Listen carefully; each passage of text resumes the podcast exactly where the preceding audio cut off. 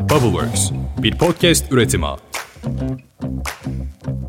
19. yüzyılın sonlarına doğru insan nüfusunun yavaş yavaş artmasıyla şehirlerdeki hareketlilik ve trafikte artmaya başlamıştı. Özellikle üzerinde güneş batmayan imparatorluk diye bilinen İngiltere'nin Londra'sında bu sorun iyice baş gösteriyordu. Sanayileşme ile kırsaldan kente göçler iyiden iyiye artmış, kentler ve banliyöler arasındaki bağlantının ulaşım sıkıntıları oluşmaya başlamıştı. 1860'ların başında Londra'nın yoğun nüfuslu merkez bölgelerine bağlanan banyolar hızla büyüyordu. Bu banyo bölgelerinde yaşayan işçiler evlerinden iş yerlerine ulaşmak için atlı arabalar veya bisikletler gibi yavaş ve pahalı toplu taşıma seçeneklerini kullanmak zorundaydılar. İşte bu sorunun tam da ortasında çözüm olarak Metropolitan Railway şirketi yeraltı bir ulaşım sistemi inşa etme fikrini ortaya attı.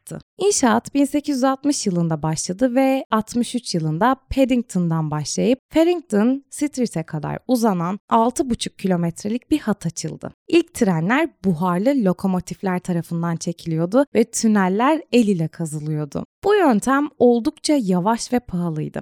Ancak sistem toplu taşıma konusunda büyük bir ilerleme sağladı. Metropolitan Railway sonraki yıllarda daha fazla hat açarak ve trenlerin hızını arttırarak tabii ki bu sistemi geliştirdi ve günümüze kadar getirdi. İşte o zamanların bu çok büyük projesi günümüzde her gün kullandığımız sıkıcı duraklar haline geldi hayatlarımızda. Peki şehirlerin altında kocaman bir örümcek ağı gibi yer alan metrolar sandığımız kadar sıkıcı yerler miydi?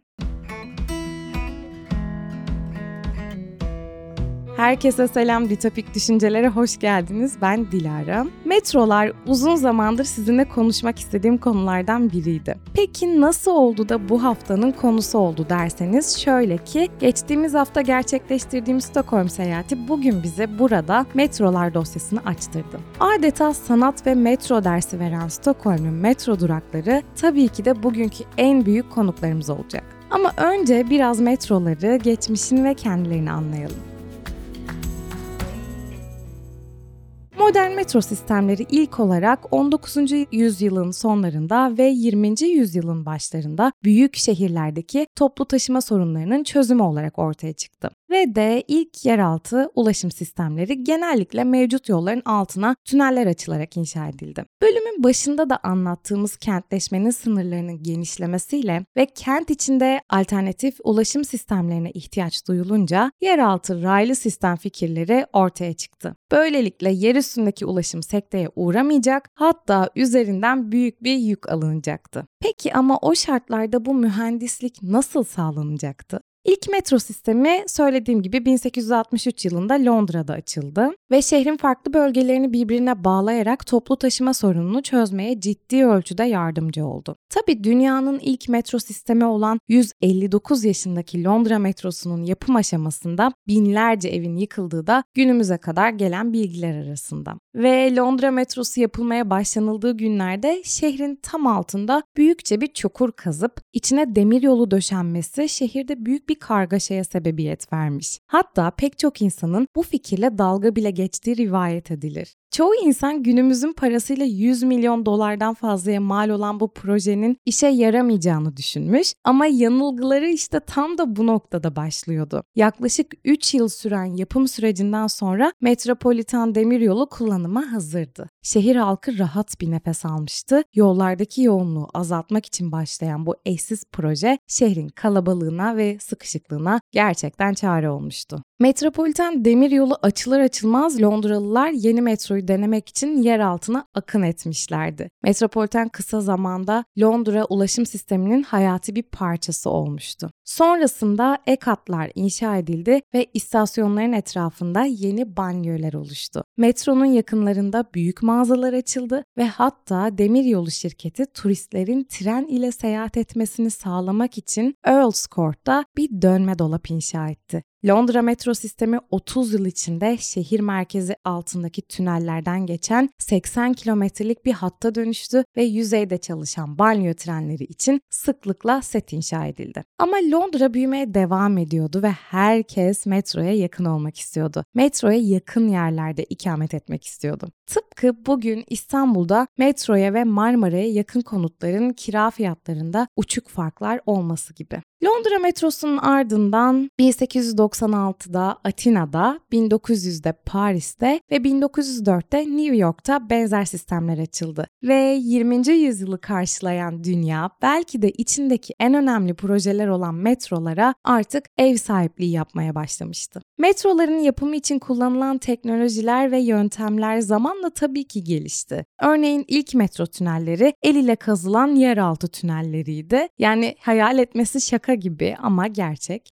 Günümüzde ise daha gelişmiş teknolojiler kullanılarak tüneller hızlı bir şekilde kazılır ve daha düşük maliyette inşa edilir hale geldi. Ve günümüzde dünyanın birçok büyük şehrinde metro sistemleri mevcut ve sürekli olarak genişletilmekte ve güncellenmekte. Bugün İstanbul'da da öyle. Bu sistemler günümüz kentlerinde özellikle de yoğun nüfuslu şehirlerde toplu taşıma ihtiyaçlarını karşılamak ve trafik sıkışıklığını azaltmak için önemli bir rol oynuyorlar. Peki bir şehri ziyaret eden yabancısından, koştura koştura bir toplantıya yetişmeye çalışanına, her gün rutin olarak binip okula giden öğrencisine kadar kullanılan bu metroların ismi nereden geliyordu? Metro sözcüğünün anlamı neydi ve nasıl ortaya çıkmıştı? Metro kelimesi Fransızca kökenli bir sözcük ve esasına bakarsanız metro kelimesi Paris metrosu ile ortaya çıkmış. Metroyu işleten şirketin adı da Compagnie de Chemin de Fer Metropolitain de Paris. Yani Paris Büyükşehir Demiryolu Şirketi.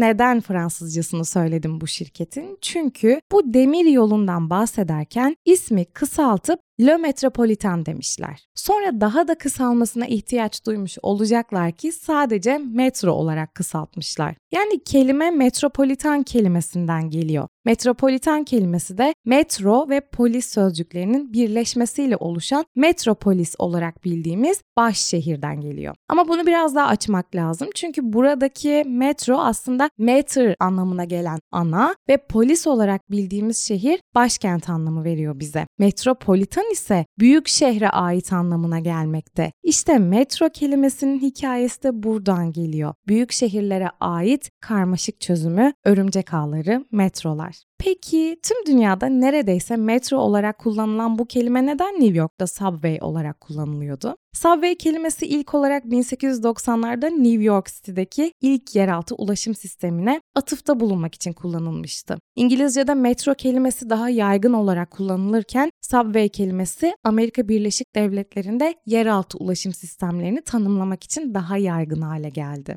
Subway kelimesi İngilizce'de underground kelimesi yerine kullanılmaya başlandı. Çünkü Amerika Birleşik Devletleri'ndeki ilk yeraltı ulaşım sistemleri genellikle mevcut yolların altında inşa edilmişti. Yani yer altında çalışan trenler underground olarak nitelendirilse de yolun altında inşa edilmiş oldukları için subway kelimesi kente daha adapte olan bir kelime olduğu için daha sık kullanılır oldu. Bugün subway kelimesi dünya genelinde birçok büyük şehirde yeraltı ulaşım sistemlerini tanımlamak için kullanılıyor. Ama tabii metro daha yaygın kullanılan bir kelime. Peki dünyada böylesine önemli bir ulaşım ağı olan metroların Türkiye'ye gelmesi nasıl olmuştu? Hikaye şöyle başlar. Hikaye dediğime bakmayın bu arada bu olay gerçek. 1860'ların başında bir turist olarak İstanbul'a gelen Henry Gavant, İstanbul'da Beyoğlu ile Karaköy arasında her gün binlerce insanın gidip geldiğini, üstelik bunu yaparken dik ve yorucu bir yokuş çıktıklarını fark eder. Bu arada kendisi de Fransız bir mühendistir. Bunun üzerine buhar gücüyle çalışan raylar üzerinde hareket eden iki istasyonlu bir yeraltı demiryolu projesi hazırlar. Gavant'ın projesi devrin Osmanlı Sultanı Abdülmecit Han'a sunulur. Abdülmecit Han'ın onayladığı proje kısa sürede yapılmaya başlanır ve 1875'in Kurban Bayramı'nın ilk gününde görkemli bir törenle İstanbul halkına ve ziyaretçilerine açılır. Günümüzde yolcularına kısa süreli bir tarihi yolculuk yaşatan dünyanın ikinci metrosu olan tünel böylece hizmete girer. Siz de Karaköy'den Beyoğlu'na, İstiklal'e, Galata'ya geçerken tüneli kullandıysanız bu büyülü yolculuğu tatmışsınız demektir. Peki bizleri A noktasından B noktasına yer altından götüren örümcek ağları gibi şehrin yer altını saran bu metrolar bizde nasıl bir etki bırakıyordu? İzbe, kalabalık, tek düze, beklediğimiz, gittiğimiz, koşturduğumuz duraklar, istasyonlar. Peki metrolar ya bundan fazlasıysa? Geçtiğimiz hafta Stockholm'da bulunduğumuz adadan bir başka adaya geçmek için metroya bindik. Metro aktarması yapacaktık. Bilmeyenler için kısaca bahsetmem gerekirse Stockholm bir adalar şehri. Bu arada Instagram'dan beni takip ederseniz aslında daha fazla bilgiye de sahip olabilirsiniz. Dilara Sengul isimli Instagram hesabımda çok daha fazlasını paylaşıyorum. Ditopik Düşünceler podcast'te de burada anlattığım birçok şeyin bilgisini de paylaşıyorum. Geri dönersek konumuza birçok adanın köprülerle birleşmesinden oluşan bir başkent olan Stockholm için biraz dağınık bir kentleşmesi var diyebiliriz. Bu yüzden de orada metro sistemi çok önemli. Yani dolayısıyla bu dağınıklığın toparlanması bekleniyor ve bu dağınıklığı toparlayan da oldukça güzel metro sistemleri var. Hatta öyle ki İstanbul'a göre küçük bir şehir olmasına rağmen metro sistemleri 3 farklı hat ve yüzden fazla istasyondan oluşuyor. Fakat bu metro ağını diğer şehirlerdeki metro ağlarından farklı kılan bir şey var. Stockholm metro sistemi dünyanın en uzun sanat galerisi olarak da biliniyor. İlk metro yapımlarından beri metro istasyonları çeşitli sanat eserleri, mozaikler ve heykellerle süslenmişti. Ama bu metro istasyonlarının tasarımını görmek için bu metrolara gitmek işi biraz daha ilginç kılıyordu. Bildiğimiz, alışık olduğumuz bu izbe, kalabalık, tek düze metro istasyonlarını bambaşka bir boyuta taşıyordu bu tasarımlar. İşte Stockholm'un metro istasyonları da böyle tasarımlara sahip. Bu metro istasyonları için sanat ve mimariyle bütünleşen metrolar demek nokta atışı bir tanım olur bence. Çünkü Stockholm metroları size günlük koşuşturmacanın tam da ortasında bir anda sanatla baş başa kalabilme imkanı sunuyor. Bu Türkiye'de çok sık karşılaştığımız bir şey değil. Ama olsa ne güzel olurdu demeden duramıyor insan. İstanbul çok daha güzellerini hak ediyor çünkü. İki bölüm önce neden İstanbul'da yaşıyoruz bölümünde de konuştuğumuz birçok konudan sonra şimdi başka bir soru soruyorum. Neden bu şehir daha güzellerini hak ederken daha güzellerinin yakınından bile geçemiyor? Aslında benim tahmini bir cevabım var. Böyle bir talebimiz yok. Sanat da sanırım bir noktada arz talep meselesine dönüşüyor. Kit Haring'den bahsettiğimiz sanatı giydiğinizin farkında mısınız bölümünde Kit Haring'in New York metrolarındaki ya da subwaylerindeki diyelim boş siyah panolara çalışmalarını yaparak sanat hayatını toplumla kesiştirdiğinden bahsetmiştik. Bu örnek sokak sanatının toplumla kesişebilecek en güzel mekan seçimiydi. Metrolardaki ilgimizi çeken panolar, duvarlar, tavanlar bizler bir yerden bir yere gitmek için koşuştururken bir anda duraksamayı hatırlatabilecek en iyi detaylar aslında. İstanbul'da neden yok sorusuna gelecek olursak insanlar sadece bir an önce projelerin hayata geçmesini talep ediyor ve estetik kaygıya düşmeden bu detayların önemini bilmeden sadece işlevin talebine odaklanıyor. Çünkü bu ülkeye başka bir şey öğretilmedi ne yazık ki. Neyse Stockholm metrolarına geri dönelim. Stockholm İskandinavya'nın 5 büyük ülkesinden biri olan İsveç'in başkenti ve coğrafi konumu sebebiyle yılın büyük bir çoğunluğunu gri, kasvetli havalarla geçiren bir şehir. İsveçliler bu kasvete katlanamamış olacaklar ki Stockholm'un metrolarını rengarenk bir modern sanat sergisine dönüştürmüşler. Yani aslında arz talep dediğimiz nokta tam da burada çıkmış. Depresif havadan ve iklimden bunalan toplum renk görmek ister. Buna kayıtsız kalmayan yönetimler ve sanatçılar da bu talebi karşılar. Hikaye burada anlam kazanıyor yani. Sanatı halka daha kolay ulaştırabilmeliyiz düşüncesiyle temelleri atılan Stockholm Metro Ağı projesi 1957 yılından beri devam ediyor. Toplamda 100 metro durağı olan Stockholm metrosunun neredeyse tamamında çeşitli sanat eserleri sergileniyor. Bazıları küçük detaylardan oluşurken bazı duraklarda tasarımlar durağın tamamında yer alıyor ve kendinizi bir anda büyülü bir dünyada bulabiliyorsunuz. Düşünsenize metrodan adımınızı atıyorsunuz, kafanızı kaldırıyorsunuz ve bambaşka bir tasarımın içindesiniz. İşte Stockholm metroları böyle tasarımlara sahip. 150'den fazla sanatçının katkısının bulunduğu Stockholm metrosu dünyanın en uzun sanat galerisi olarak bu yüzden kabul ediliyor. Bu 110 kilometrelik dünyanın en uzun sanat galerisi olan metro hattı yer altındaki ve yer üstündeki durakları ile Stockholm'u bir örümcek ağı gibi sararak sanata doyacağımız bir turistik nokta özelliğini de taşıyor.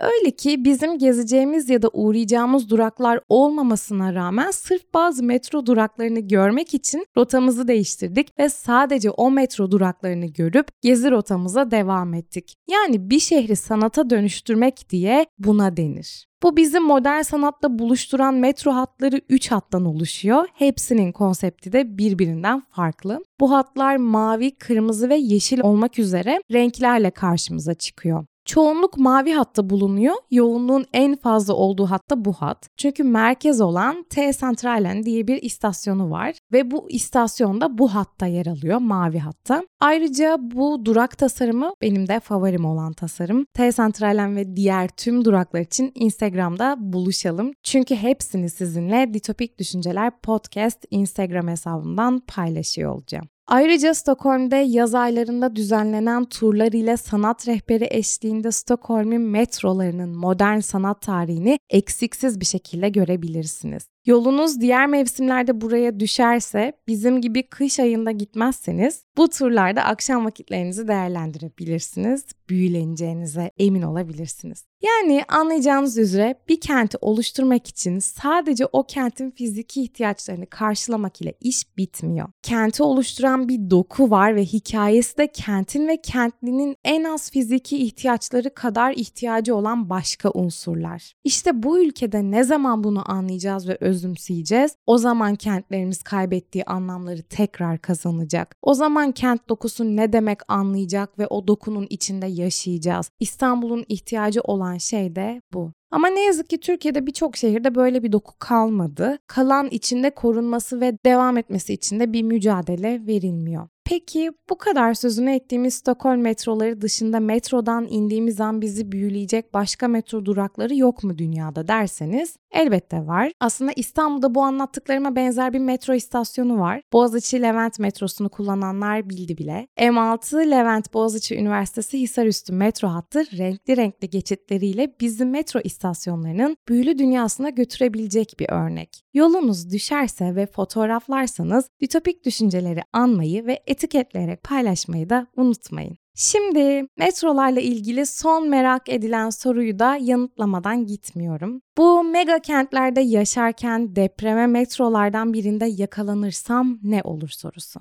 Kent dokusu dedik, metrolar, şehir hayatında sanatın kendisi olabilir dedik, toplumla sanatı çabasızca buluşturabilir dedik. Ama metroların depreme dayanıklığı hakkında yeterince bilgiye sahip miyiz onu bilmiyoruz diyebilirsiniz. Hep söylenen bir şey var, metrolar deprem anında güvenli alanlardır. Tamam ama nasıl? Dünyada genellikle deprem etkisinin kaynağının yer altında bulunması nedeniyle deprem anında metroların tehlikeli olduğuna dair bir yanılgı var. Ancak fiziki yapı ve çevresel etkilerden arınmış olması nedeniyle metrolar deprem anında en güvenli alanlar olarak kabul ediliyor. Bir nevi izole alanlar olarak düşünebiliriz metroları. İstanbul'un metroları içinde dünyanın en katı deprem standartlarına göre inşa edildiği ve yerin altında bulunduğu için yer üstündeki binaların maruz kaldığı salınım kaynaklı risklere maruz kalmadığından depremlerde kırılma ve çökme riskleri çok daha düşük olduğu uzmanlar tarafından söyleniyor. Bu yüzden de tüm dünyada metro alanları deprem, savaş ve atmosfer kaynaklı afetlerde en güvenli sığınma alanları olarak kabul ediliyor. Güncel bir geçmişe gidersek Ukrayna-Rusya savaşında da Kiev'de birçok insanın metroya sığındığını hatırlayabiliriz. Tabi afetler riskleri daha farklı olan olaylar. Bu nedenle depremi daha farklı yorumluyor ve daha farklı endişeleniyoruz. Bu da çok normal. Bu süreçte uzmanlardan İstanbul metroları ile ilgili duyduğumuz en önemli şey şuydu. İstanbul metrosunun depremde dahil bütün felaket senaryoları ve bunlara karşı alınacak önlemler düşünülerek inşa edildiği. İstanbul Büyükşehir Belediyesi metro hattının 9 şiddetindeki depreme kadar dayanıklı olduğunu ifade ediyor. Bilmemiz gereken bir detay yapılan metroların fay hattı üzerinden geçip geçmediği ya da karada bulunan bir faya yakın olup olmadığı.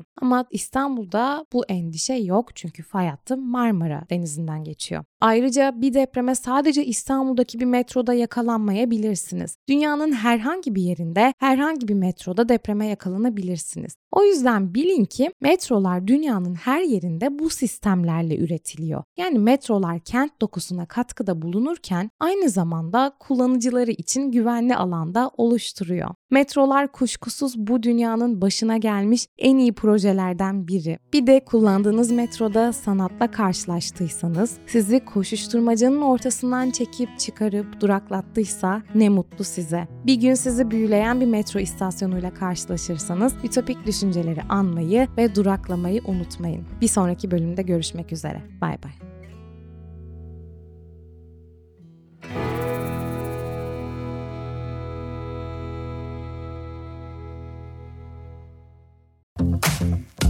Bubbleworks, bir podcast üretimi.